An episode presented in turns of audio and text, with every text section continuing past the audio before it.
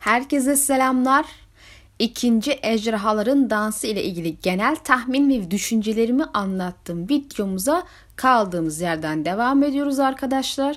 İlk videoda dansın zaman sorununa, Westeros tarihinde yaşanmış olayların hangisinin günümüzde benzerliği olduğuna ve tarafların nasıl ayrılacağına dair konuştuk. Deni'nin siyahlar tarafında olduğunu ve asıl düşmanın yeşiller olduğunu ve yeşilin ona uğursuz geldiğini konuştuk. Unutmayın ki Selmi bile yeşil ejderhanın beyaz ejderhadan daha tehlikeli olduğunu söylemişti. Yani bu bile beyaz ejderhanın sürücüsüne değil yeşil ejderhanın sürücüsüne dikkat edilmesi gerektiğini gösteriyor en azından Daenerys için. Şimdi ise kaldığımız yerden devam ediyoruz ve dansın kimler arasında olacağını ve fazlasını konuşacağız. Okuyucuların ekseriyeti bu savaşın sadece ve sadece Daenerys ve Aegon arasında olacağını düşünüyor ve olası bir üçüncü kişi varsa da bunun Tyrion yahut Euron olabileceği önerisini yapıyor. Hatta Victorion diyen bile gördüm. İlk önce bu üç aday için genel fikrimi söyleyeyim. Tyrion, Euron yahut Victorion birer Valeryalı değil yani ejderha kanı taşımıyorlar. Ejderhaların dansının en önemli özelliği aile içi savaş olması ve bunun ejderha kanı taşıyanlarca ejderhaları sürerek yapmaları.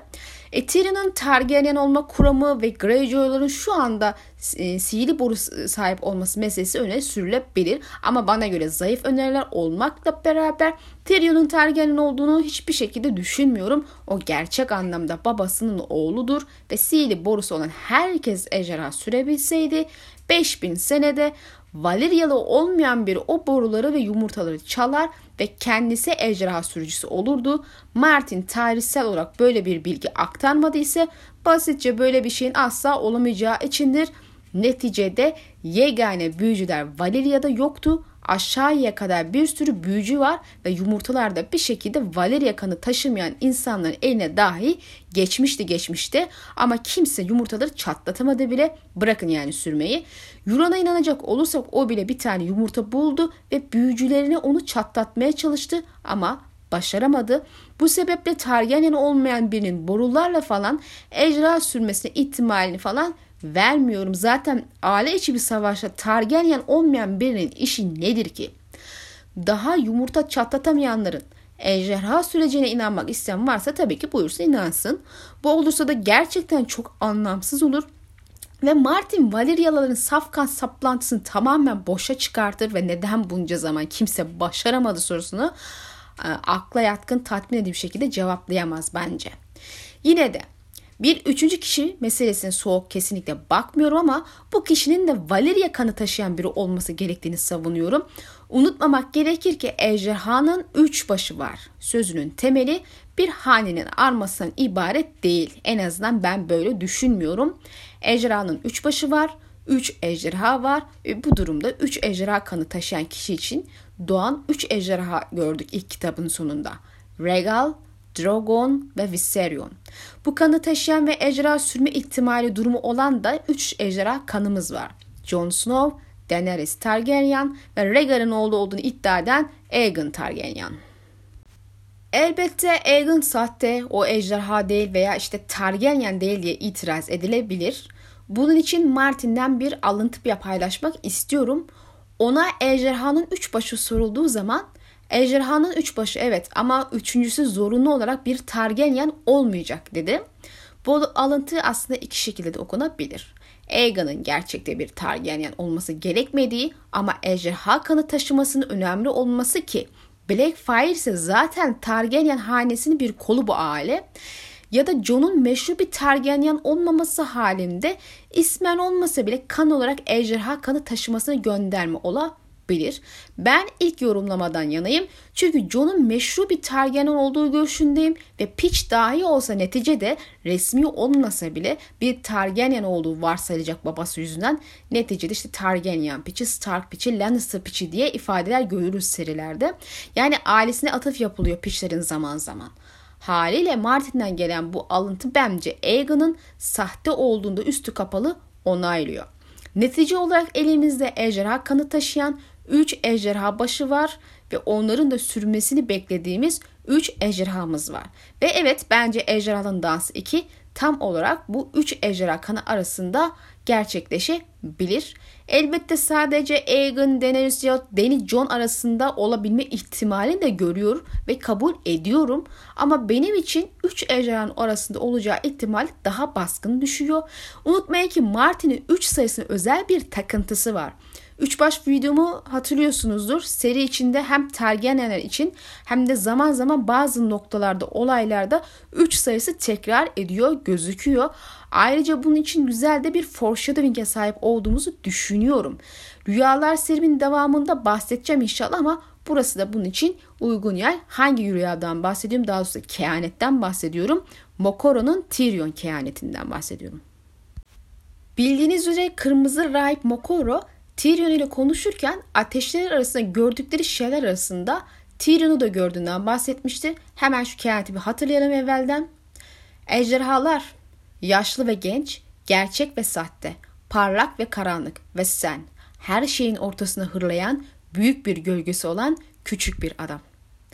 Ben dahil birçok kişinin yaptığı ilk hata buradaki sıfatlardan yola çıkarak altı ejderha saymamız ve serinin içinden de altı ejderha bulma çabamızdır. Lakin zaman içerisinde fark ettim ki burada altı ejderha yok, üç ejderha var. Unutmamak gerekir ki ejderhanın üç başı var, altı değil. Ejderhalarla ilgili şeyler üçlü dengeler şeklinde ilerliyor. En önemlisi zaten sürmeye uygun sadece üç tane ejderha var.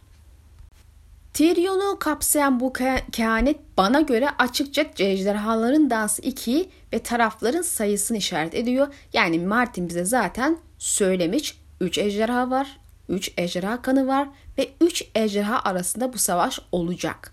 Tyrion'un bu savaşın ortasında yer alacağı ve muhtemelen kendisini çok zor bir durumda bulacağını da anlatıyor kehanet.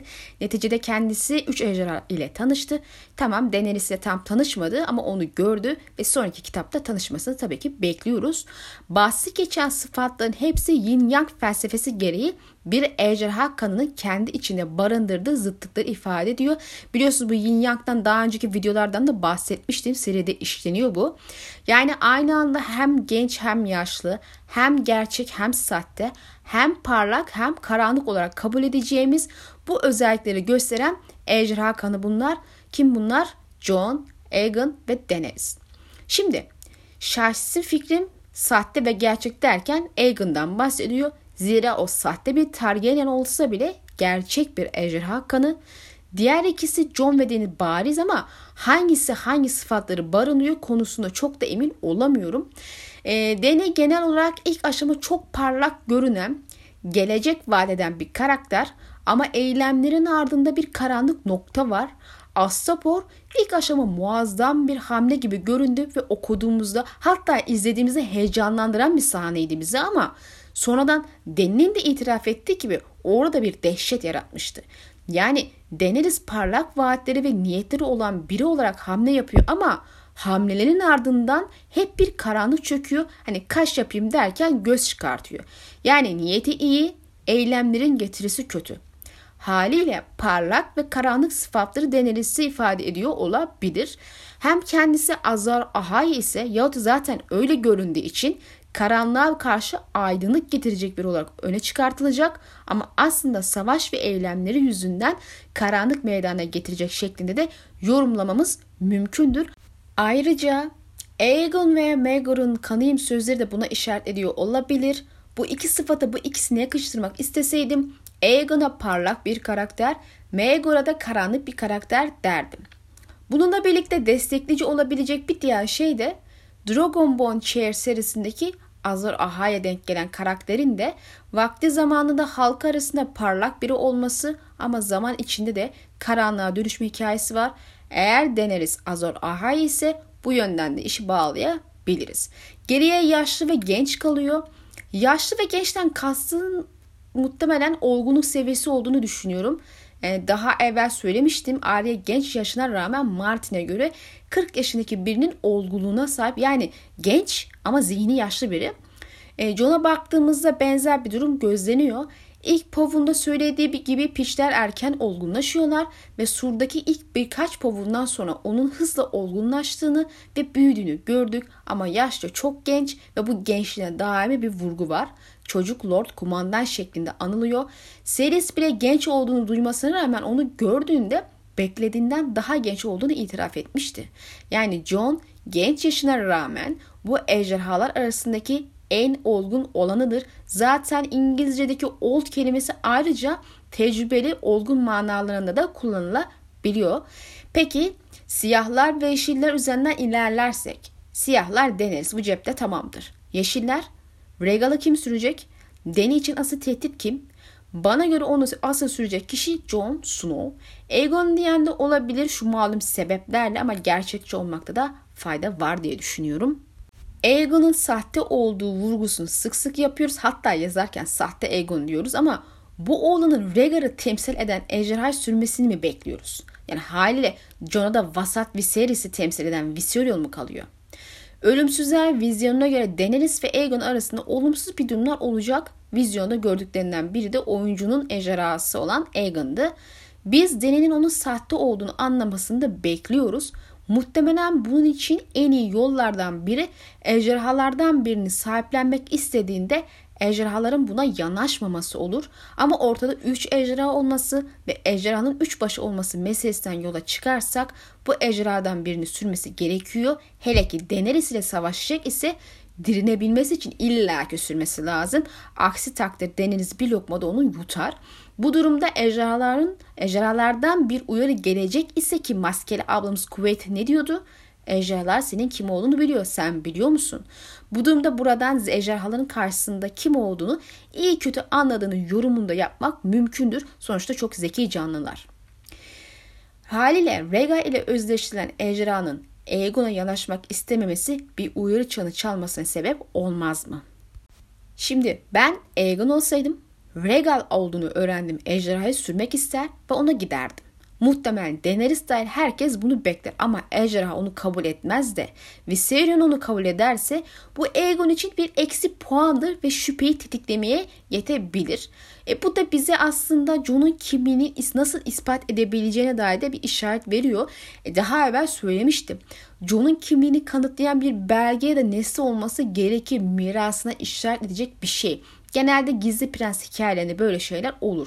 Ben bunun mahzen mezarlarda olabileceğini düşünsem de Regal John'un kendisini sürmesine izin verirse bu babasının oğlu olduğuna dair çok güçlü bir işaret olur ve kafalardaki şüpheleri temizler diye inanıyorum. Aynı zamanda ejderha kanı olduğunu da gösterir.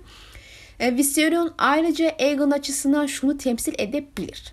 Bildiğiniz üzere Viserys pek vasat biriydi ve tarihteki kral Viserys için çok parlak sıfatını falan kullanmam. Tamam hiçbiri son Viserys kadar kötü olamaz ama neticede bir başarısızlık örneğidir. E, Viserys'in ilk ölecek ejderha olmasını beklediğimi söylemem de gerekir. İlk doğan, ilk ölen. E, Tyrion'un 6. kitapta eline aldığı beyaz ejderha oyun taşının üstünde kan vardı. Bu bir işaret olabilir diye konuşulur yıllarca. E, bu durumda Dance'da ölmesi beklenen ilk kişi de Aegon olur ki Maegor ve Aegon arasındaki savaşta da ilk ölen Aegon'du ve sonra Jaehaerys devreye girip Maegor'un rakip olarak ortaya çıktı ve kral oldu. Burada da bir uyumlu paralellik ilerliyor gibi gözüküyor. Hatta ileride gerçekleşmesini beklediğimiz bir olay örgüsü üzerinden de paralellik kuralım. Deniz'in vizyonlarında mavi çiçek ve tatlı koku yayan gül sahnesini biliyorsunuz yıllardır tahtla eşittir ölüm işareti yüzünden John'un doğrudan ya da dolaylı olarak Daenerys'i öldüreceği söylenir ve ben de bunu yıllardır savunuyorum. Hatta bunu Arya ile beraber yapma olasını önceki videolarımda anlatmıştım. Özellikle de dizi finalinden sonra bu fikir baya bir güçlendi okuyucular arasında. Ben dizi referansı kullanmam aslında ama kitaplarda beklediğim şeyi dizide görünce Martin'den öğrendikleri bir bilgi herhalde diye düşünmeye başlıyorum ister istemez. Özellikle Daenerys'in kendisini Rhaegar olarak gördüğü Yeşil Çatal Rüyası ve Arya'nın Yeşil Çatal'daki iki sahnede muhtemelen Ner'in aynı bölgesinde geçiyor. Bu karşıya geçme sahnesini yorumladığım videoyu hatırlıyorsunuz. Fikir biraz daha pekişecektir diye düşünüyorum. Rüyalar Sem'in ilk videosuydu bu. Hatta Arya'nın Bravos'ta gördüğü ve annesinin muhtemelen son ölümünü gördüğü rüyanın yorumlamasında da haklıysam Nehir topraklarında siyahlar ve yeşiller arasında ciddi savaşlar olacak ve iki tarafın son savaşı burada gerçekleşecek. Zaten Yeşil Çatar rüyasının Daenerys'in muhtemelen ölümüne gittiğini gösteren bir işaret olabileceğini savunmuştum. Çünkü abisinin öldüğü yerde kendisini abisi olarak gördü ve savaşta kişiler de sanının aksine özde kuzeylilerde ötekiler değil ve zaten rüyada ejderha gördüğü için yüksek ihtimal bu ejderha rüyası yani geleceğe bir atıftı. Hem unutmamak gerekir ki ilk dansta da yeşillerin kralı siyahların kraliçesini öldürüyordu. Hani sizi bilmem ama bu senaryolar paralel ve uyumlu ilerliyor gözüküyor. Neticede Aegon'un Daenerys'i öldürmesini beklemiyorsunuz herhalde. İnsanlar genelde Aegon ismi yüzünden ve bu oğlan başka ne amaçla hikayede olabilir ki sorusu yüzünden Aegon'un yeşillerin kralı olacağını savunup ilkinde olduğu gibi dans öncesinde kral topraklarını ele geçirmesi gerektiğini savunup düşünse de hikayenin sonunda Aegon'un kraliçe Rhaenyra'yı öldürdüğünü unutmuş gibi ya da umursamıyor gibi insanlar. E bu kısım farklı olacağını inanıyorlar galiba ama diğer her şeyin paralel ilerleyeceğini düşünüyor gibi görünüyorlar. E bu biraz işimize geldiği şekilde hikaye şekillendirmek gibi geliyor bana. Tamam ilk ve ikinci dansı olanların birebir aynısı olması gerekmiyor ve zaten ben de böyle bir şey beklemiyorum. Ama herkes demir taht için savaşmak zorunda ya da ya da işte Aegon kral topraklarını ele geçirmek zorunda veya iki taraf vardı üç değil sadece iki taraf olmak zorunda gibi fikirlerle gelindiğinde neden sorusunu zor, sormak zorunda kalıyoruz ya da bunlar olmak zorunda ise hikayenin diğer kısmı neden olmak zorunda değil sorusunu soruyoruz. Cevap aslında belli. Aegon kim ki Daenerys'i öldürsün? Doğru, onda o kapasite yok, güç de yok aslında kaybetmeye mahkum görünen bir kral adayımız var. En azından direnç gösterebilse bile kimse Aegon'un Daenerys karşısında kazanmasını beklemiyor. Hali bu ne biçim bir dans. İşte Yeşillerin lideri Jon deme sebeplerinden biri de bu. Gücü var, imkanı var, tehlikeli ve yedi krallığın ikisi ona ait. Yani böyle kayaların, taşların, boyalı masaların kralı falan değil. Harbi harbi kral olacak kendisi. Birbirine hem konum hem de nispeten güç olarak denk olan iki sevilen karakter arasındaki dans mı yoksa hiçbir açıdan birbirine denk olamayan hatta bir tanesi sonradan sürpriz yumurta gibi ortaya çıkmış vasıfsız bir karakterle vasıflı sevilen güçlü bir karakter arasındaki dans mı? Hangisi heyecan verir? Hangisi daha leziz bir hikaye sunar? Siz yazar olsanız hangisini yazarsınız? Cevap benim için bellidir. Aegon'un okuyucular arasında pek hayranı, hayranı olmadığı, bunun için zaten yeterli sahnesi de olmadığı düşünülürse ünlü bir savaşta popüler bir karakteri yeni doğmuş bir karakterle savaştırmak bana anlamsız geliyor. Yani en azından sırf bu ikisi arasında ana savaşların bu ikisi arasında olması anlamsız geliyor. E, savaşı, savaş ve gidişatı e, sonu belli olan bir şeyin e, bizim için bir leziz tarafı da bence yok. Edeniden nefret eden okuyucular dışında Aegon'u kim destekler okurken misal? Ben yazar olsam birbirine denk olmayan karakterler arasında bir savaş yazmazdım. En azından ana savaşı yazmazdım. Yıllardır birçok okuyucu Yeşil Ejderhanın John tarafından sürülmesini bekliyor hatta istiyor. Peki neden? Tabii ki de ismi yüzünden. O Rhaegar'ın yaşayan yegane çocuğu doğal olarak bu isme sahip ejderhayı o sürmeli. Eğer Daenerys isimlendirirken başka tercihler yapmış olsaydı biz büyük olasılıkla rengi yüzünden beyaz ejderhanın Jon'a ait olacağını düşünürdük. Beyaz kurdu olanın beyaz ejderhası olur diye yola çıkardık. Lakin Martin beyaz olana değil yeşil olanın Rhaegar'ı temsil etmesini istemiş. Haliyle ister istemez şöyle düşünüyorum. Yeşiller tarafının lideri Aegon olacaktı ise Martin isteseydi beyaz ejderhan isimli regal yapar, yeşil ona da Viserion derdi. Onu da gider Aegon'a verirdi ama ejderhaların dansı 2'de yeşiller tarafını temsil edecek olan yeşil ejderhanın rengini regal yapmış ve biz bu ejderhanın Jon'a ait olmasını yıllardır bekliyoruz. Dizide de bile bekledik. O halde neden böyle yapmış? Cevabı soruda zaten. Bence Martin dansın ana taraflarının John ve Daenerys olmasını planladığı için. Böyle düşünmesi isimlerini yeni değiştirdi diye düşünüyorum haliyle. Yani danstan bağımsız olaya bakarsak farz edelim ki dans 2 falan olmayacak. Sizin elinizde olsa gidip Rhaegar'ı temsil eden ejderhayı sahte Aegon'a ve vasat Viserys'i temsil eden ejderhayı bizim Jon'a mı verirdiniz? Vermezdiniz değil mi?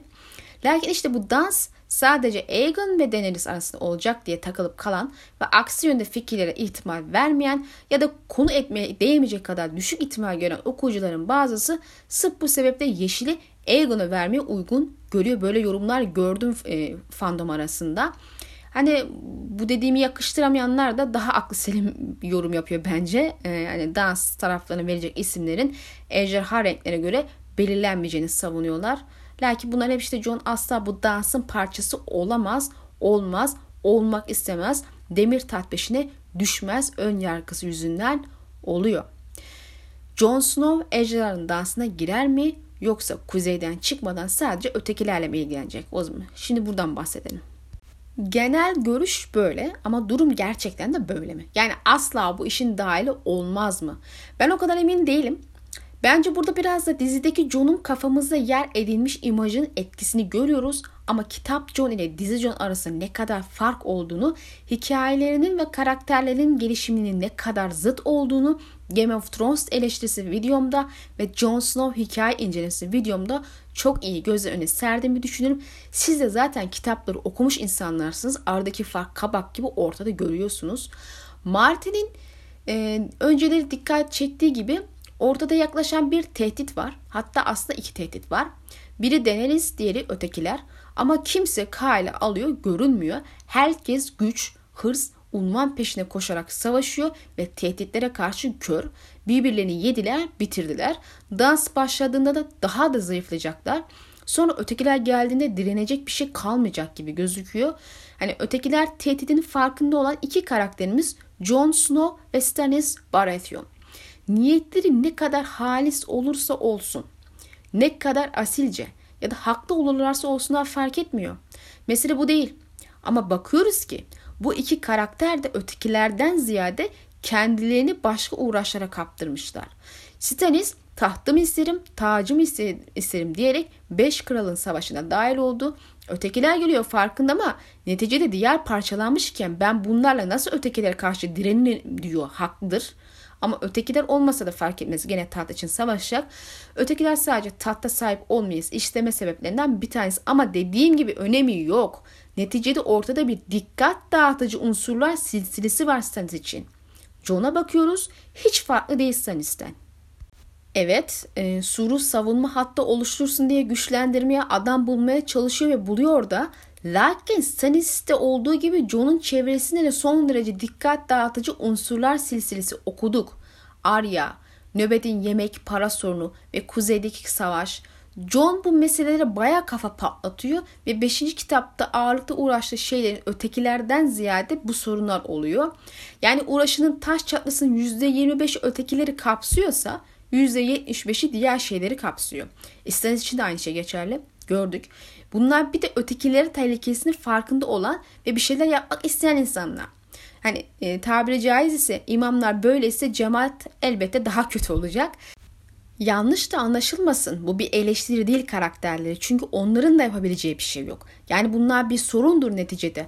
Önemli sorunlar ve çözülmesi de gerekiyor. Ama neticede ana tehdit yaklaşırken onlar bile bu nispeten ikinci derece önemli sorunlar ve dikkat dağıtıcı şeylerle uğraşmak mecburiyetinde kalıyorlar.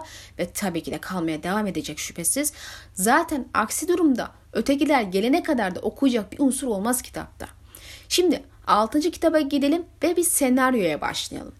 John dirilir. Bunun şoku, öldürülmenin, ihanetin şoku, hatta ailenin sahte olması falan vesaire derken bu iyice derlenir. İşte sonra Stannis'in kaybı dönüşü ve kızını yakması, ölümü vesaire derken yani işte kuzeylerin bir şekilde Jon ile iletişime geçip onu Kuzey Kral olarak tahtta görmek istediklerini söylemeleri. Kuzey komplosu videonu hatırlayın.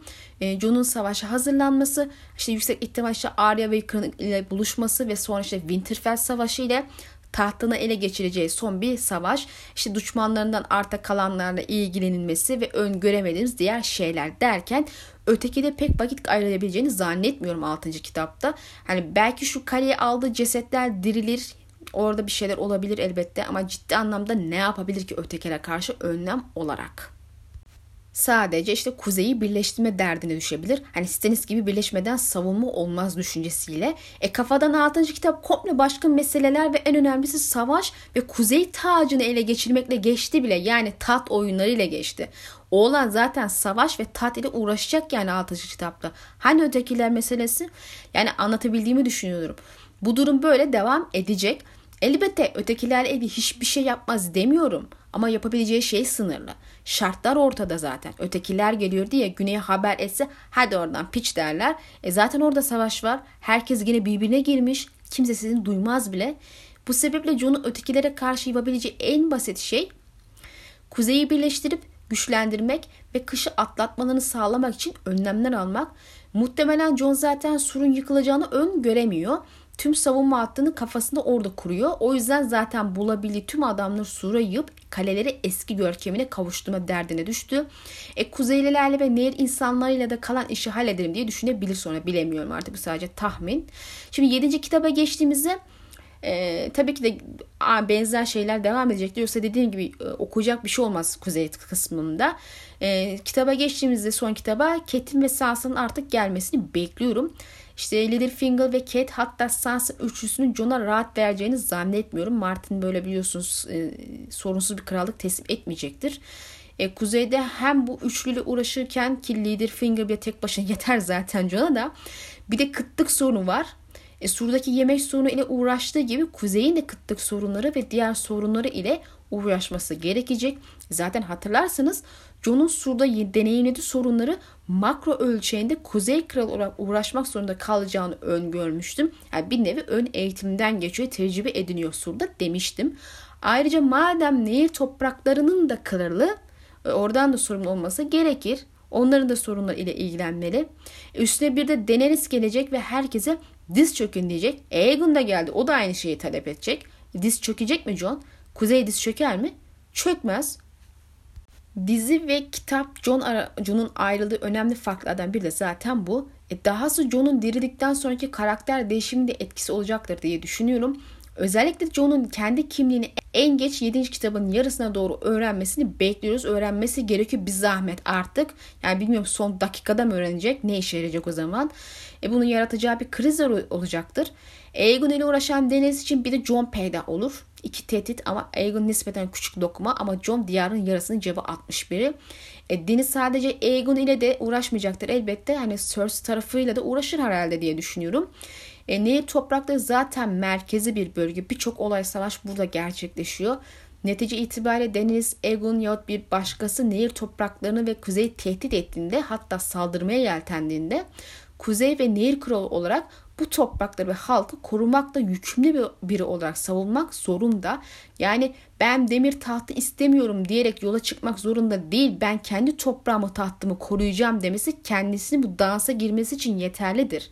Yani isteyerek de değil. istemeden de olsa içine çekecekler o olanı. Yani diz çöklenecek, çökmem diyecek. Sonra da tamam madem sen takı orada mı diyecekler. Hayır. Çöktürmek için üstüne çökmeye kalkacaklar. Basitçe yani. Hele bir de beklediğimiz gibi Aegon ve Daenerys birbirine düşman olmaz, savaşmaz da birlik olursa bu durumda zaten Fırtına ve Don kafadan Den'in de eline geçmiş olacak. Tyrion zaten muhtemelen batıyı ele geçirecek kayıya alarak menzil Tom'un da ölümünden sonra Lannister'ı desteklemeyeceğine göre Targaryen'le diz çökmeye yeltenebilirler. Böyle birleşik bir güçle gelirse menzilin gücünü bölmesine gerek yok iki taraf için biliyorsunuz. E, geriye kuzey vadi ve nehir toprakları kalıyor. Haliyle durum gene Jon'un başına patlıyor ama ben Aegon ve Den'in doğal olarak ilk aşama birlikte hareket edeceğini ama sonra bir sebeple ve bir şekilde birbirine düşman olacağını düşünüyorum. E zaten kimse tanışır tanışmaz savaşmalarını da beklemiyor. E bu mantıklı bir beklenti olmazdı. Ama o raddeye gelene kadar illaki bu ikisi işbirliği yap, yapmayacak mı? İşte o işbirliği içindeyken bir yerlere saldırmayacaklar mı? Ya her şekilde ipin ucu John'a dokunmaya başarıyor yani. Elbette didik didik ayrıntılı tespit edip öngörmek çok da mümkün değil. Martin'in aklında neler var hepsini tahmin edemeyiz ama işte böyle genel bir fikir ortaya koymaya çalışıyoruz. Kabaca bir resim çizmeye çalışıyorum. Tutturabildiğimiz kadar artık. Aegon Deni ittifakına dair Tyrion'un 5. kitapta gördüğü bir rüya vardı. Acı Çelik ve Selmy ile beraber savaşıyordu. Bu savaş düşmanlık şeklinde değil de Tywin ve Jaime'nin ordusuna karşıydı ve tepede de ejderhalar uçuyordu. E, Batı diyarın tepelerinin kan kırmızısına döndürecek kadar ciddi bir mücadeleydi bu. Haliyle bunu bir foreshadowing olarak ele alırsak eğer bir yem değilse Acı Çelik'ten kastım Blackfire destekçisi altın mürettebat olduğu aşikar ve Selmy'den kastım da Targaryen ordusu olduğu aşikar. E, Tyrion da bunlarla sırt sırta vermiş Lannister'a karşı savaşıyor. Öngördüğümüz boş yeri değil yani.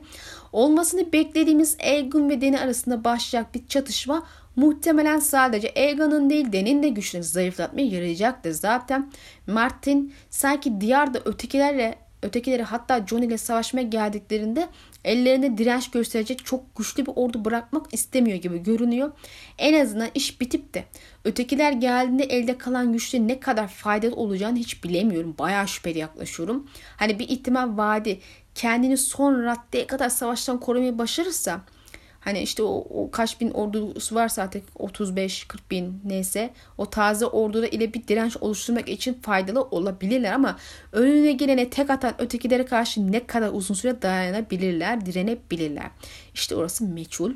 Bu sebeple John'un işi arabuculukla falan çözeceğine dair görüşler daha bir önem kazanıyor. Okumadan tabii ki de asla bilemeyeceğiz. Gerçi bu şekilde de giderse pek bilemeyeceğiz bunu. Martin hala yazmıyor kitapları. Her videoda da böyle serzenişte bulunuyor ama ne yapayım artık. Ee, yeni maddeye geçmeden evvel bir gece ansızın aklıma gelen bir fikirde de burada değinmek istiyorum. Gerçekleşmesi yüksek ihtimal gözüyle baktığımdan değil. En azından şimdilik ama hani bir olasılık olabileceğini düşündüğümden belirtmek istedim. Sizin de fikrinizi almak istedim. Hep Aegon'un Dany ile savaşmasına kesin gözle bakıyoruz. Hatta Daenerys'in Aegon hala yaşasaydı onunla evlenirdim düşüncesini bir çeşit yemleme olarak gördük. Ama ya değilse? Ölümsüzler evindeki gördüklerinden sonra Jorah ona Aegon'un iki karısı vardı. Sen de iki koca alabilirsin diyerek kendini o kocalardan biri olarak öne sürmüştü. Deni onu elbette reddetti ama sanmayın ki bu fikre soğuk baktı. Beşinci kitaba geldiğimizde Daenerys'in bu iki eş fikrine sıcak baktığını bu dünyada güvenebileceği iki erkek olduğunu düşündüğünü gördük. Elbette onları bulması gerekiyordu. Hikaye incelemesi videosunda bu alıntıyı vermiştim hatırlarsınız. Hatta Dairo'nun bu üç baştan biri olup olmadığını düşünüyordu. Deni'nin evlenmesi en muhtemel koca aday olarak sırasıyla Aegon özür e, sırasıyla Euron ve Aegon'u öne sürmüştüm. Ve Euron daha olası gibi gelmişti ama ya Daenerys ikisiyle birden evlenmeye kalkarsa yani kesin evlenir demiyorum ama bunu talep edebilir ve bu ciddi ciddi gündem olarak tartışılabilir. Hani Euron'un ahlak anlayışı zaten yok. E, Aegon zaten bir Targaryen olarak bu tarz olay bu tarz olayları normal bir şey olarak görerek büyüdü. Ha elbette erkeklerin çok eşli olması alışıldık olsa da e, kadınlar için aynı şey geçerli değil. Bu sebeple buradan bir itiraz noktası dönebilir Aegon tarafından ama e, Deni de sıradan bir Targaryen kadını değil yani. Eğer durum bu ise hani sadece Fatih Aegon ile değil Maegor ile de bir başka benzerlik ortaya çıkar çok eşlik hatta bu durum artık Jorah'a isyan ettirebilir ve ona karşı dönmesine sebep olabilir. Hani ben genelde ev yüzünden ona sırtını dönebileceğini düşünsem de hani Christine Cole'da olduğu gibi hani aşk meselesi yüzünden sırtını da dönebilir. Bu da buna sebep olabilir işte. Hadi dediğim gibi bu sadece fikir. Şimdilik diğer maddeye geçelim. Savaş halinde Aegon ya da Jon'un Daenerys'e karşı ne kadar şansı olabilir? Daenerys'in yanında getirdiği askerlerin hepsi Westeros'a yabancı insanlar. Özellikle kuzeyin iklimine ve coğrafyasına yabancılar. Hiçbiri kar falan görmedi. Westeros'un güneyli lordları askerleri bile katlanamıyor kuzeyin coğrafyasının iklimine. Haliyle savaş taktiklerine de yabancı Westeros'un. Tabi Martin bu tarz savaş ayrıntılarına ne kadar vakıf ve ne kadarını kullanır kitaplarda bilmiyorum ama netice itibariyle kimin kazanmasını istiyorsa şartları o tarafa tarafın lehine döndürecektir. Hani ateş ve kanı okuduğumda da bunu güzel yapmayı başardım düşünüyorum nispeten. Hani bu yani bu lojistik vesaire şeylerle olmasıyla başka etkenlerle rüzgarın yönü değiştirmesini biliyor. Aegon'dan başlayalım. Onun en az 10 bin askeri var. Şu an Doğu'nun en az 20 bin var ama asker gönderirse bu 10 bini aşmayacaktır. Muhtemelen ya da işte en fazla 15 bin gönderebilir e, isyanda 10 bin göndermişti. Neticede kendi topraklarında olsa bir saldırıya karşı koruması gerekiyor. Yani asker bırakması gerekiyor topraklarını korumak için. Hani olur ya Mensin saldırabilir. Ya Don Körfezi'ne kadar gelen şu korsanlar falan saldırabilir ki hani 6. kitapta Arya Nepov'da bundan endişelendiğini görüldü, görüldü, okuduk. Muhtemelen işte korsan saldırı olur diye bekliyorum Don'a. Euron zaten Dany'nin yanına geçerse ve Dorne Dany'e karşı savaşırsa bu saldırıda kaçılmaz gibi geliyor. Haliyle askerin bir kısmı Dorne'da kalmak zorunda.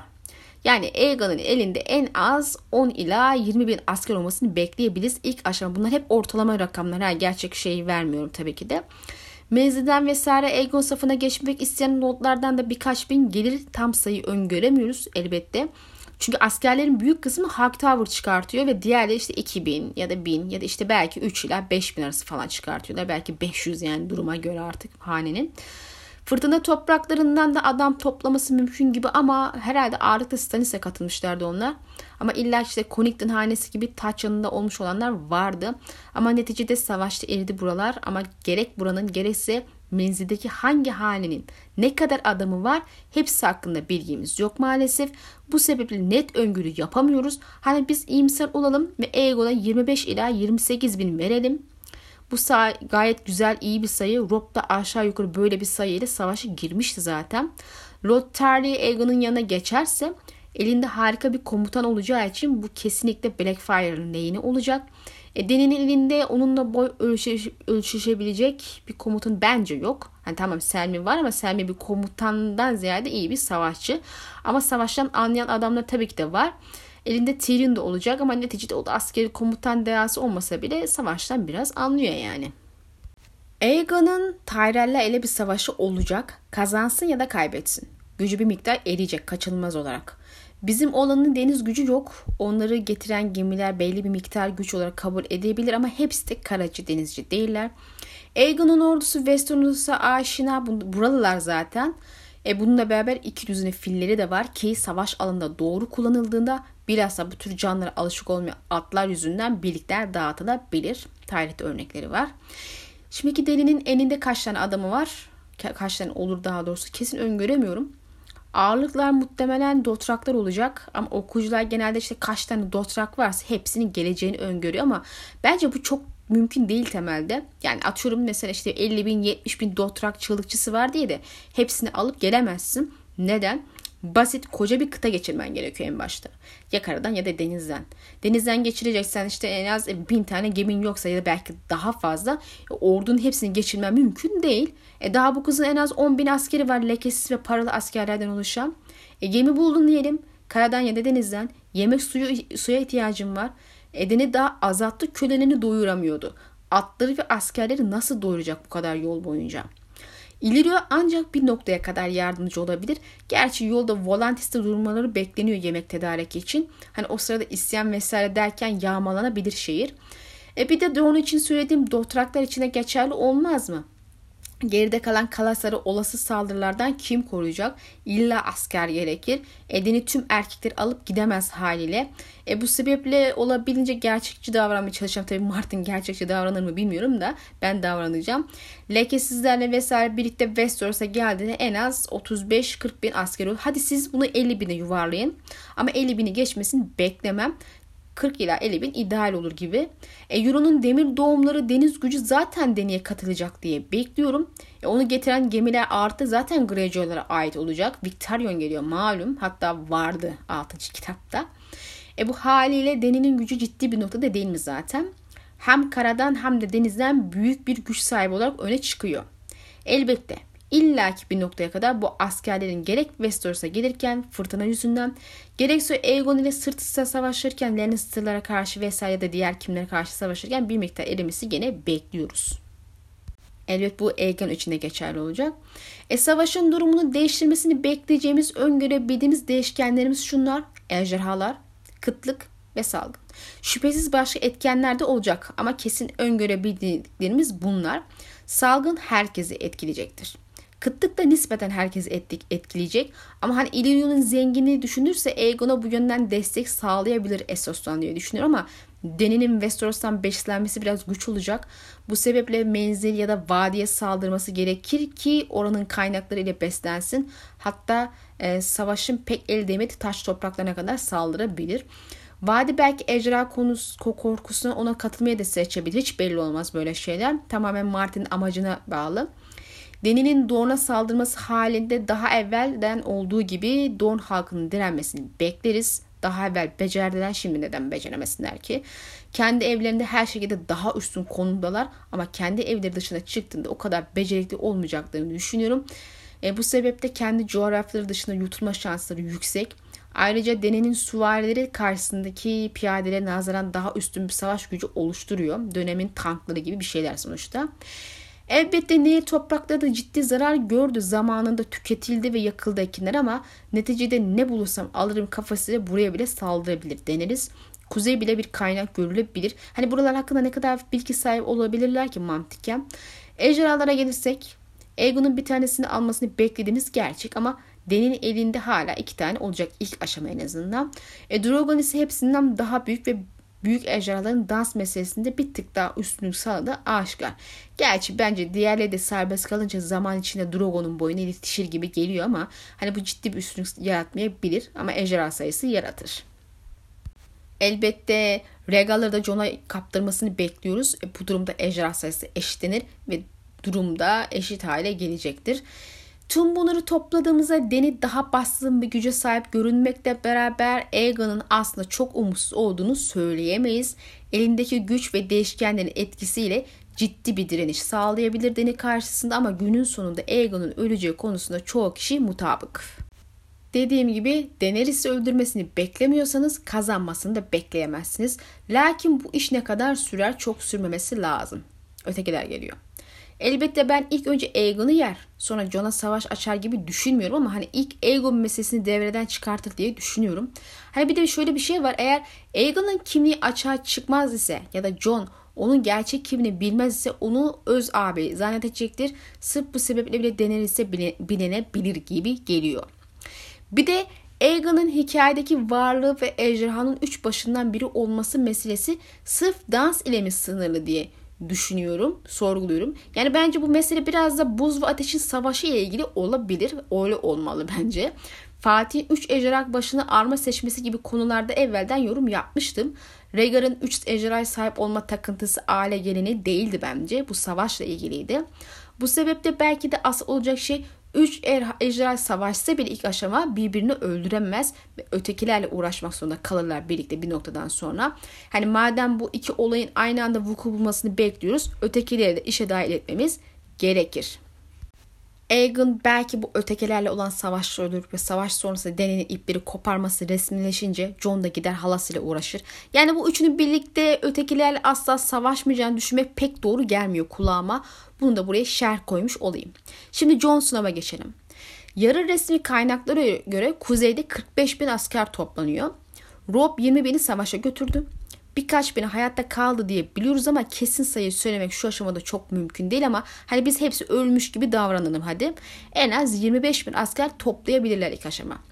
Yabanlılar devreye girdiğinde Stannis 16 bin savaşçıya karşı dövüştüğünü söylemişti. John bütün sağ kalan yabanlıları toplamayı başarırsa hani kabaca veriyorum rakamları belki biraz daha aşağıdadır ya da daha yukarıda da bilmiyorum. Hani 20 bin kişi olabilirler ama tabii ki de hepsi savaşçı değil.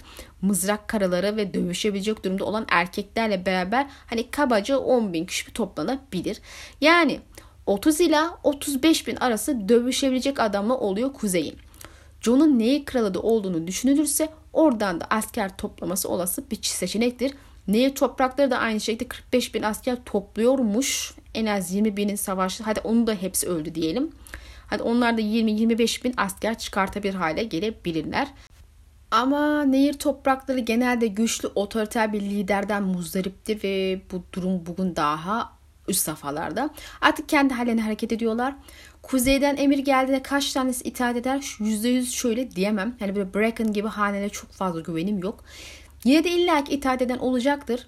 E, yabanılı arasında ayrıca 200'de ve 100'den fazla mamut var ki daha evvel de söylediğim gibi e, birlikleri tarumar etmede çok etkililer güzel kullanırsam. İşte Sultan Sancar'ın yeğene karşı yaptığı savaşı kaybederken kendi lehine çevirip kazanmasını sağlayan savaşı sonradan sürdüğü fillerdir. Sonra bahsedeceğim gibi kuzeyin taze deniz gücü de mevcut. Vadi gibi bazı krallıklar ya da haneler kuzeye sonradan katılabilir mi? Belki. Ya işte Stannis eğer doğru aklımda kaldıysa 20 bin kişilik bir kiralık asker talep etmişti şövalyesinden. E, Brogos'tan aldığı borç parayla onları alıp kuzeye getirecekti bu adam. E, Stannis öldüğünde de bu askerlerin Jon'un evine girmesi çok olasıdır. Sonuçta hani kuzeye gelmişsin paran da ödenmiş zaten. Hani yine de biz tabii ki kesin bilgiler üzerinden ilerleyelim. Özetle kuzey sandığımızdan daha iyi bir askeri güce sahip durumda görünüyor. E, Deni'nin Aegon ve diğer ile olan önceki ve sonraki savaşının sonunda ne kadar askeri kalacak bilgimiz yok. İlla ki azalacak zaten söylemiştik. Ama yine de tehdit edici bir güç olarak konumunu korumaya devam edecek diye tahmin yürütmek zor değil. Deneriz saldırırsa kuzeye ne gibi bir e, resim ortaya çıkar. Herkes gibi denedi ilk aşama herhalde Mod Kelly'den girmeye çalışacaktır bataklıklardan ama herkes bir iki kuzey asla güneyden fethedilemez. Andallar denedi olmadı. Sonrasında da olmayacak. Zaten Catelyn ve Karabalık buraya geldiğinde Karabalık buranın tam bir ölüm tuzağı olduğunu görmüştü. Bunu ifade etmişti. Hani işte bataklıklardan hurra diyerek ordu geçiremezsiniz rahatça. Bataklık adı üstünde ve kalemiz de bizim gayet iyi iş görüyor. Yani Reed'in hakkında nasıl dövüşünü biliyorsunuz. Demir doğumlar Kelly'den dışarı çıkamıyorlardı.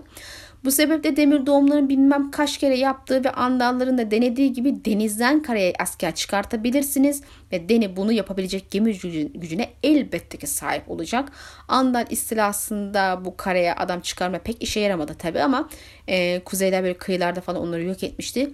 Esir aldıklarında Bran'ın ağaç vizyonunda gördüğünüz gibi ağaçlarını kurban etmişlerdi.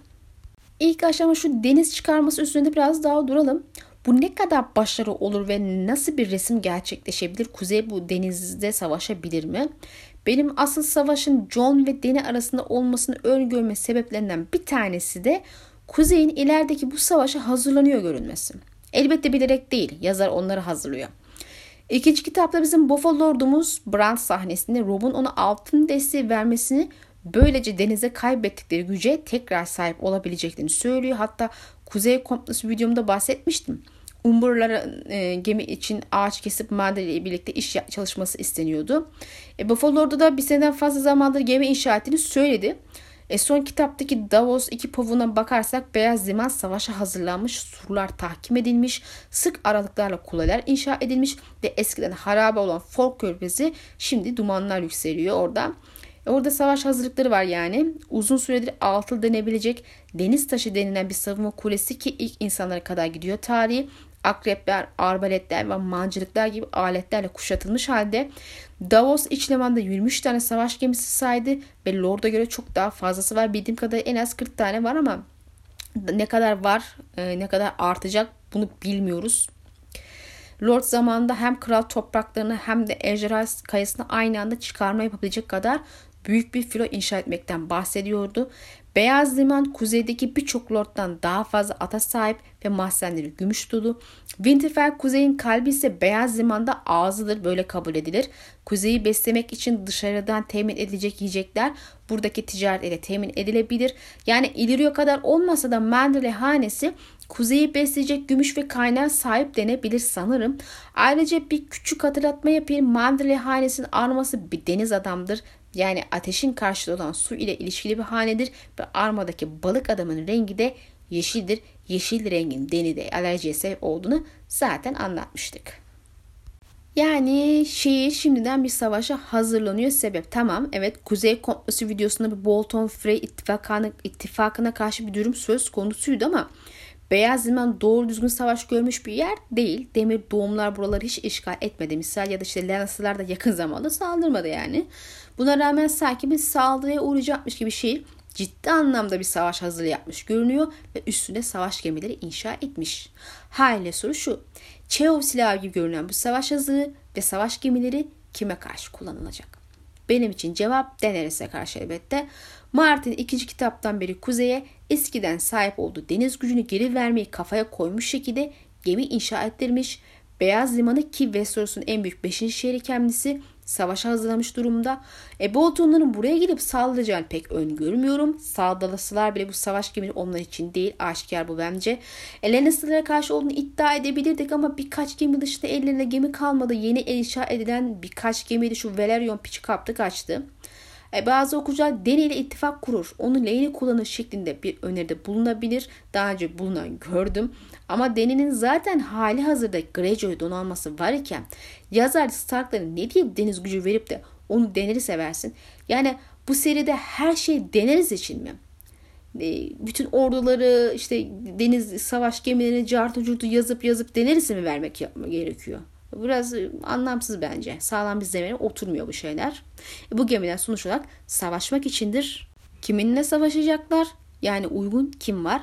Westeros'un yeni tehdidi Targaryenlar, Daenerys ve Aegon. E biraz da kuzey denizden işgal edilmek istendiğinde bu gemiler direnç için faydalı olacaktır. Burada bir parantez açmak istiyorum. Beyaz liman denizcilerin ekseriyeti balıkçılar ve bir ihtimal tüccarlardan oluşmakta.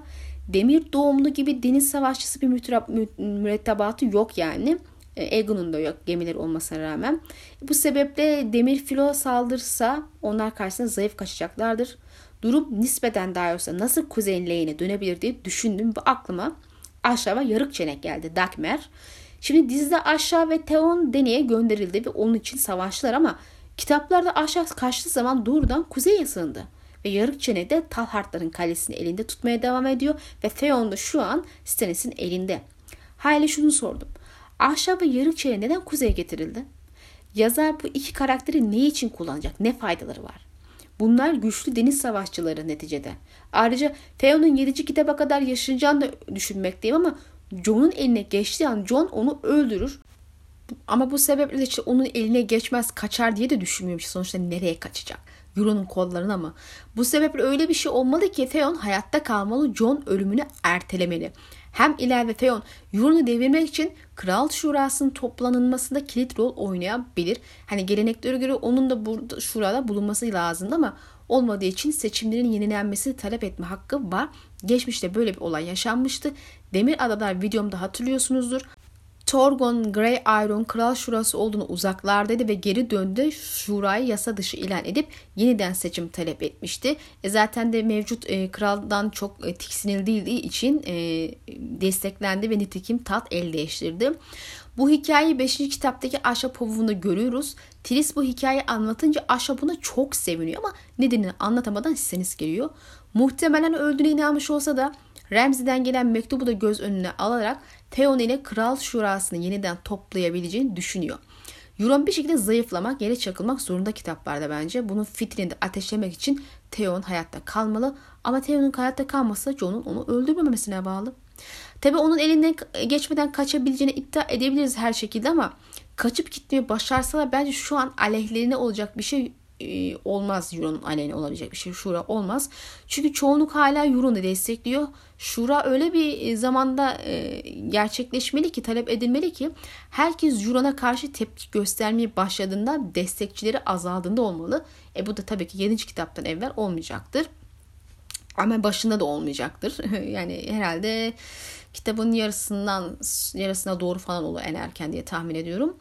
Sonuç olarak toparlarsak eğer benim aklıma gelen şey şu. Aşağı ve yarık çene ve kendi demir adam doğumlu adamları kuzeyin donanmasının toparlanması, eğitmesi ve liderlik etmesi için yeterli gibi geliyor gözüme. E bunun için de aşağının olası talebi Theon'un hayatta bırakılması olsa gerek. John makul biridir. Düşmanlık beslese bile eğer çok ihtiyaç duyarsa düşmanı ile bile anlaşma yapabilir. Hani yabanlılar düşmanıydı. Ahlak düşmanı ve sevmiyor adamı. Dahası kardeşlerinden nice kişi öldürdü hepsi. Ama ortak düşman için işbirliğini kabul etti ama kayıplarını da asla unutmadı. Yabanlıların itaatini sağlamak için ailelerinden çocukları esir aldı. Ned'in ilk kitapta Kete söylediklerini hatırlayın. Ned savaş çıkarsa Theon'u babasının gemileri için kullanmak istedi. John aynı fikri hayata geçirmek isteyebilir. Tek fark gemi yerine denizcilik becerini kullanmak için Bence bu iki karakterin kuzeyde olması olma sebebi Mandarin'in inşa ettiği donanmaya liderlik etmeleri için böylece kuzey denizde güçlü hale gelebilir. Theon'un hikaye örgüsü açısından da ironik elbette çünkü en başından beri vesayet adı altında eser olarak tutuluyordu ve bu şekilde de devam edecek görünüyor.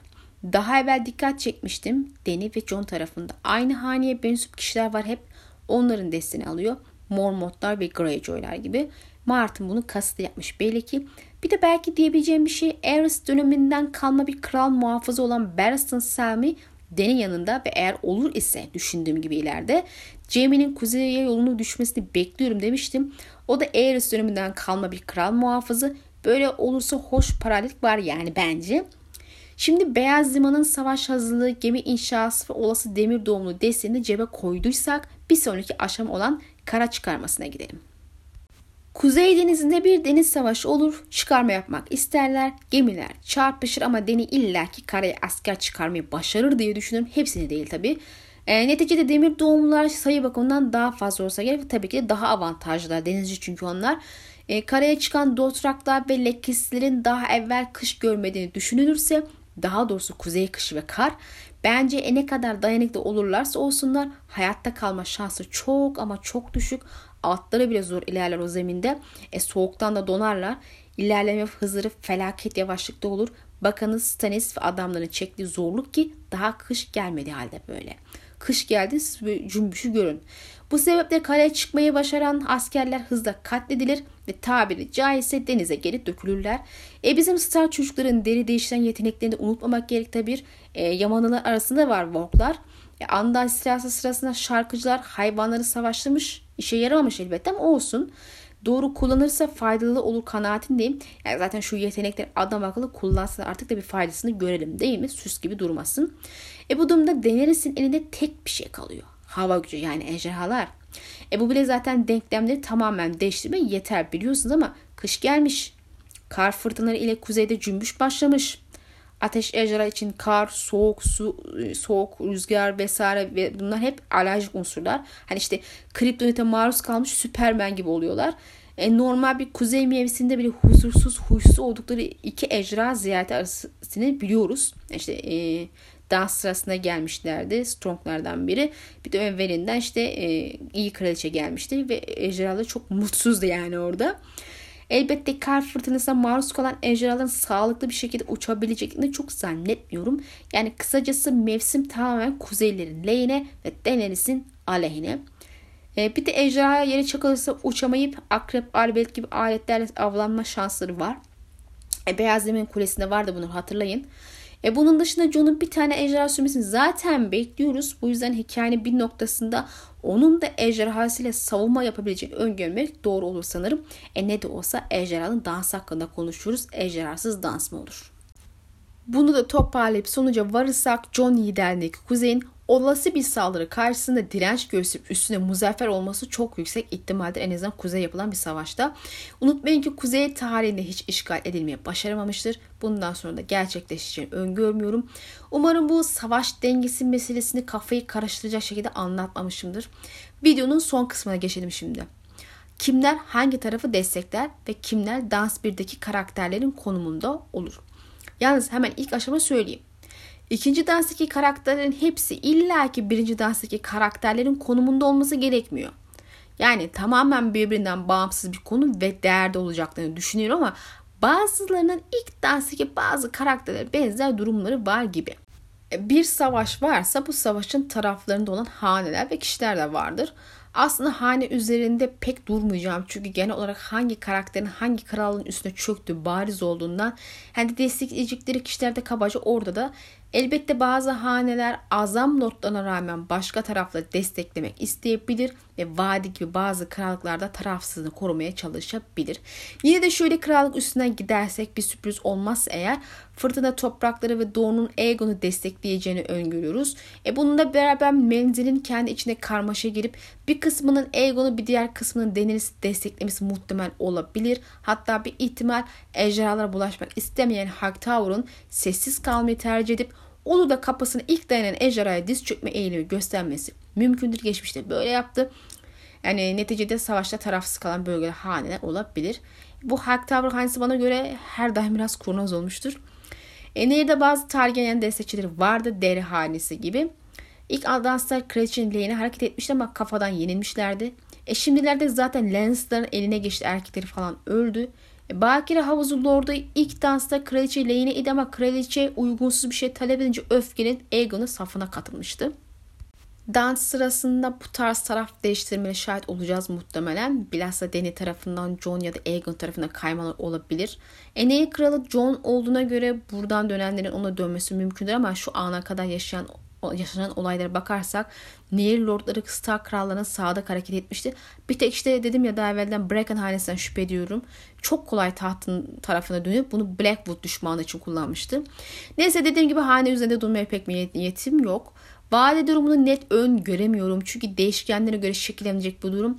Robin ölmezse Sansa ve Littlefinger e, çocuğu manipüle edip kuzey tarafında tutabilir.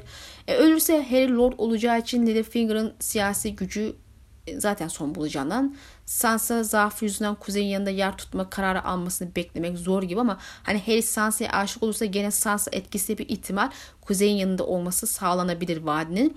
Hatta ileride Tyrion ile olan evliliğin bir şekilde iptal edilmesi durumunda Sansa ve Harry'nin evlendirilmesi şartı öne sürülebilir destek için. Yani biliyorsunuz ittifaklar böyle kuruluyor sonuçta.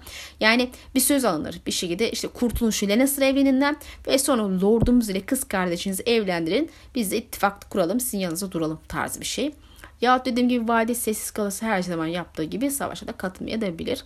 Batı ve menzil elbette şu aşamada Lannister'a ait ama Tom'un önce ittifak bozulacak ve ileride Tyrion'un kayayı ele geçirmesini beklediğinden Batı da Dany'nin yanında yer alacak ilk aşama. Edemir Adalar zaten krallarının emri Dany'nin yanında yer aldı bile. İlk dansa da yer almıştı ama önemi nispeten azdı. Ama şimdi böyle olmayacak. E bu da bizim kimin kimin konumuna e, sahip e, sorusuna cevap aramaya getirdi ve tabii ki Tyrion ile başlıyoruz. Bilhassa dizinin de etkisiyle Tyrion'un Dany yanında yer alıp sadık kalacağız beklendi.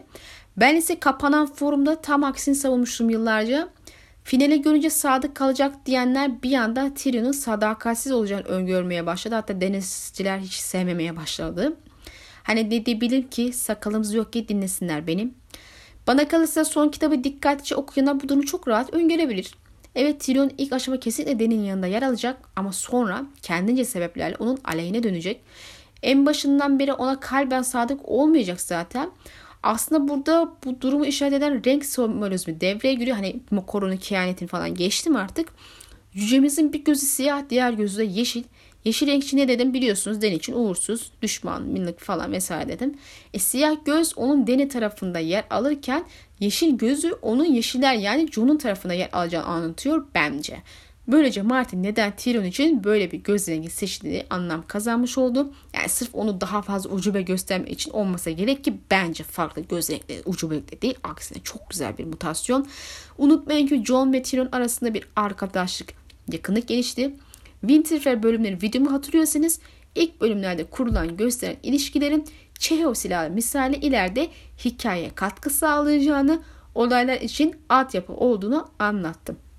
İlk taslaktan beri Martin bir şekilde Tyrion'u hep Stark'larla arkadaş ilişkisi ve bir bağ kurduruyor ama bu şekilde ya da şu şekilde yapıyor bunu ve Tyrion aslında Stark'ların e, yanına katılmıştı ailesine karşı dönünce. Bence bu olay örgüsü hala devam ediyor ama biraz dolanbaşlı yönden. Peki sizce Tyrion ilk danstan kimin konumuna benzer olabilir? Bana göre Tyrion kraliçe elide olan ve kraliçenin ilk aşama büyük destekçisi olan deniz yılanı Corlys Velarion'un konumda olacak. Küçük iblis lakaplı Tyrion'un ve Corlys'in zeki karakter olduğunu, yeri geldiğinde iyi ve makul tavsiyeler verdiğini biliyoruz ama en önemlisi ikisinin de siyah destekçisi iken daha sonra yeşil destekçisi olduğunu biliyoruz. En azından Tyrion'un öyle olacağını düşünüyoruz. Hatta Corlys aslında bir noktadan sonra bayağı bir bezmişti savaşta ve bir, bir an önce sona erdirmek için uğraşıyordu. E daha sonra kralı öldürdü de gerekçesiyle ki inkar da etmedi zaten. Bizim Cregan Stark tarafından idam edilecekti de Blackwood Hatun sayesinde kurtuldu. E, Tyrion kraliçe eli olur mu bilmem. Bu unvan şu an aşamada, e, şu anki aşamada Selmi'ye ait. Jorah ve Selmi dururken de Tyrion'a bu unvan verilmeyebilir. Ama neticede hiçbir şey olmasa bile Den'in de sağ kolu olabileceği kadar yakın bir danışman olması beklenebilir. E, dahası Corlys gibi savaşın öne çıkan liderlerinden biri olacağı da aşikar. Bence savaşı biraz da Tyrion çıkartabilir yani. Jorah'a geçelim. Aslında bununla ilgili bir videom var. Jorah'ın ikinci ihanetini anlattım. E kendisi Kristen Cole konumunda biri izlemediyseniz muhakkak izleyin. Kendi aile arması işte kılık kıyafeti ile siyah ve yeşiller renklerini taşıyor. Yani ilk aşama siyahların yanında yer alıp daha sonra bir sebeple kraliçeden nefret edip ev ya da işte aşk meselesi yüzünden yeşillere geçen kral muhafızı ve kral eli olan bir adam olacak. Aynı kol gibi. Onun da yeşil gözleri ve siyah e, saçları var. E, Jorah'ın nefretinde sevgisi kadar derin ve unutulmaz onu zaten biliyoruz. Eski karısına nasıl e, kinle bağlandığını biliyoruz. Dahası ev özlemi çeken ve kalbinde her daim bir kuzey olan Jorah'ın Stark'ların en de sadık destekçilerinden biri olan Mormont'un üyesi olduğu unutmamalı her ne kadar netten nefret etse de. Neyse bahsettiğim video zaten uzun uzun ayrıntılı açıkladığım için üstüne çok durmayacağım. Euron Greyjoy. Ona geçiyoruz. Bana göre kesinlikle Daemon Targaryen. Ee, yani Deni'nin kocası olmak istiyor. Çocukların babası olmayı hayal ediyor. Tabii ki böyle romantik şeyler yüzünden değil tamamen çıkar meselesiyle. Hani Damon ile benzer bir karakteri ve aynı hırsları var bence Euro'nun. İkisi de ilk aşama kraliçelerin hırsları için kullandı. Bu sebeple evlenmek istediler ve omuzundaki şeytanları oldular. Euro'nun kılık kıyafetleri, kişisel arması falan, saçı, sakalı ve kargo göz lakabını ona veren gözü tamamen siyahtır. Hatta kişisel arması sadece siyah. Ayrıca kırmızı renkli bir göz barındırır. Ee, yani baştan aşağı ben siyahların yanındayım diyen bir adam. Euron ayrıca Deni'nin filosunu yönetecek kişi olacaktır. Hani deniz gücü sunacak ona. Bu yönden biraz Corlys, Valerion'u da anımsatabilir ama sadece sunduğu filo gücü açısından. John Connington'dan çok emin olmasam da bana ilk aşama Aegon'un kral eli Otto Hightower'ı anımsatıyor. İkisi de e, Kral Aegon'ların e, kralleri ve gençliğinde zaten e, kısa süreliğine bir Aerys'in kral eli olmuştu. Ve karakteri biraz birbirini anımsatıyor gibi sanki. Yine de tabii ki Connington muhtemelen Hightower'dan daha çok faaliyet adamı yani askeri yönü olan biri. Hani bu sebeple Connington ve Otto benzerliği benim yakıştırmamdan öteye gitmiyor muhtemelen diye düşünüyorum ama yine de belirtmek istedim. Diğer yandan Varys Larys Strong'un e, konumda bir karakter. İkisinde isim benzer zaten var. Dikkatlerden kaçmıyor. Dahası ikisi de fısıldı başı. Bu iki mesele dışında bir benzerlik var diyemem tabi. Varys amacı ve bir ihtimali kökleri gereği Larys'ten daha öne çıkan bir karakter ve hikayedeki tat savaşlarının mimarlarından biri olarak harika bir tat oyuncusu. Illyrio bir yönüyle belki Tyrant Lannister'ı anımsattı ama e, çok bir benzer olduğunu da iddia edemiyorum açıkçası. Sadece ikisinde parayla ilgili bir konuma sahip olması dikkatimi çekti. E, Tyrant Leşilerin hazine başıydı ve hazineyi korumaya alan kişiydi. E, daha sonra Aegon ölünce siyahların tarafına geçmiş oldu tabii olarak. Ama o, o sırada yeşiller siyahlar diye bir şey kalmamış. Savaş bitmişti. Üçüncü Aegon'a sadakatle hizmet eden bir kral eli olmuştu. Kış ateşi salgını sırasında öldü. Illyrio madde olarak Aegon'u destekleyen biri ve Tyrion'a sözüm ona işte Viserys bana hazine başı olmama söz verdi falan demişti. O sözü vermiştir şüphem yok da Illyrio'nun amacı bu değil. Yine de hani dolaylı bir konum benzerliği yarattığını düşündüğüm için belirtmek istedim. Aslında Connington, Varys ve onca e, yüzü içindeki yeşil yüzü saymazsak Illyrio'da beyaz ya da yeşil renkler üzerinden bir simgesellik kuramıyoruz. Bu dikkatimi çekmedi değil. Hale ister istemez Aegon üçüncü bir taraf olmayacak ve Den'in yanında yer alacak mı e, meselemi biraz daha e, sorgular hale geldim. Ama neyse tabi buradan böyle bir bağlantı kurmayalım. Fazla zorlama olabilir. Jamie Lannister'a geçelim. Kendisi ileride tam olarak nerede olur vesaire tam kestiremesek de ve dansın tam olarak içinde olacağını iddia edemesek de eğer Jon'un yanında olmaya karar verirse bir yönüyle o da Jorah gibi Kristin Cole'u anımsatıyor. İkisi de kral yapan kral muhafızları. Hani biliyorsunuz Jamie de kendini krallar yapan ve onları deviren biri olarak görüyordu. İleride Marcella'nın kraliçe eli olup olmayacağını bilemem tabi ama Martin Jamie'nin geçmiş yeminlerini tutması meselesini işlemeye devam edecek ise Rhaegar'ın oğlunu koruma ve destekleme meselesi benim kafama yatıyor. Hatta bunu çok isterim. Prensi gördüğü rüyada bu çocuk meselesinden dertli olduğunu zaten gördük. Hatta yanlış hatırlamıyorsun ağlamıştı bile. Göz renginin yeşil olmasını bir işaret kabul edebiliriz belki diyeceğim ama her yeşil gözlüğü de bu denklemeye sokamayız şüphesiz. O halde Cersei de yeşiller tarafında olacak deriz ama yeşil uğursuzluğu Lannister lanet olarak Dany'e dokundu ve dokunmaya devam edecek gibi.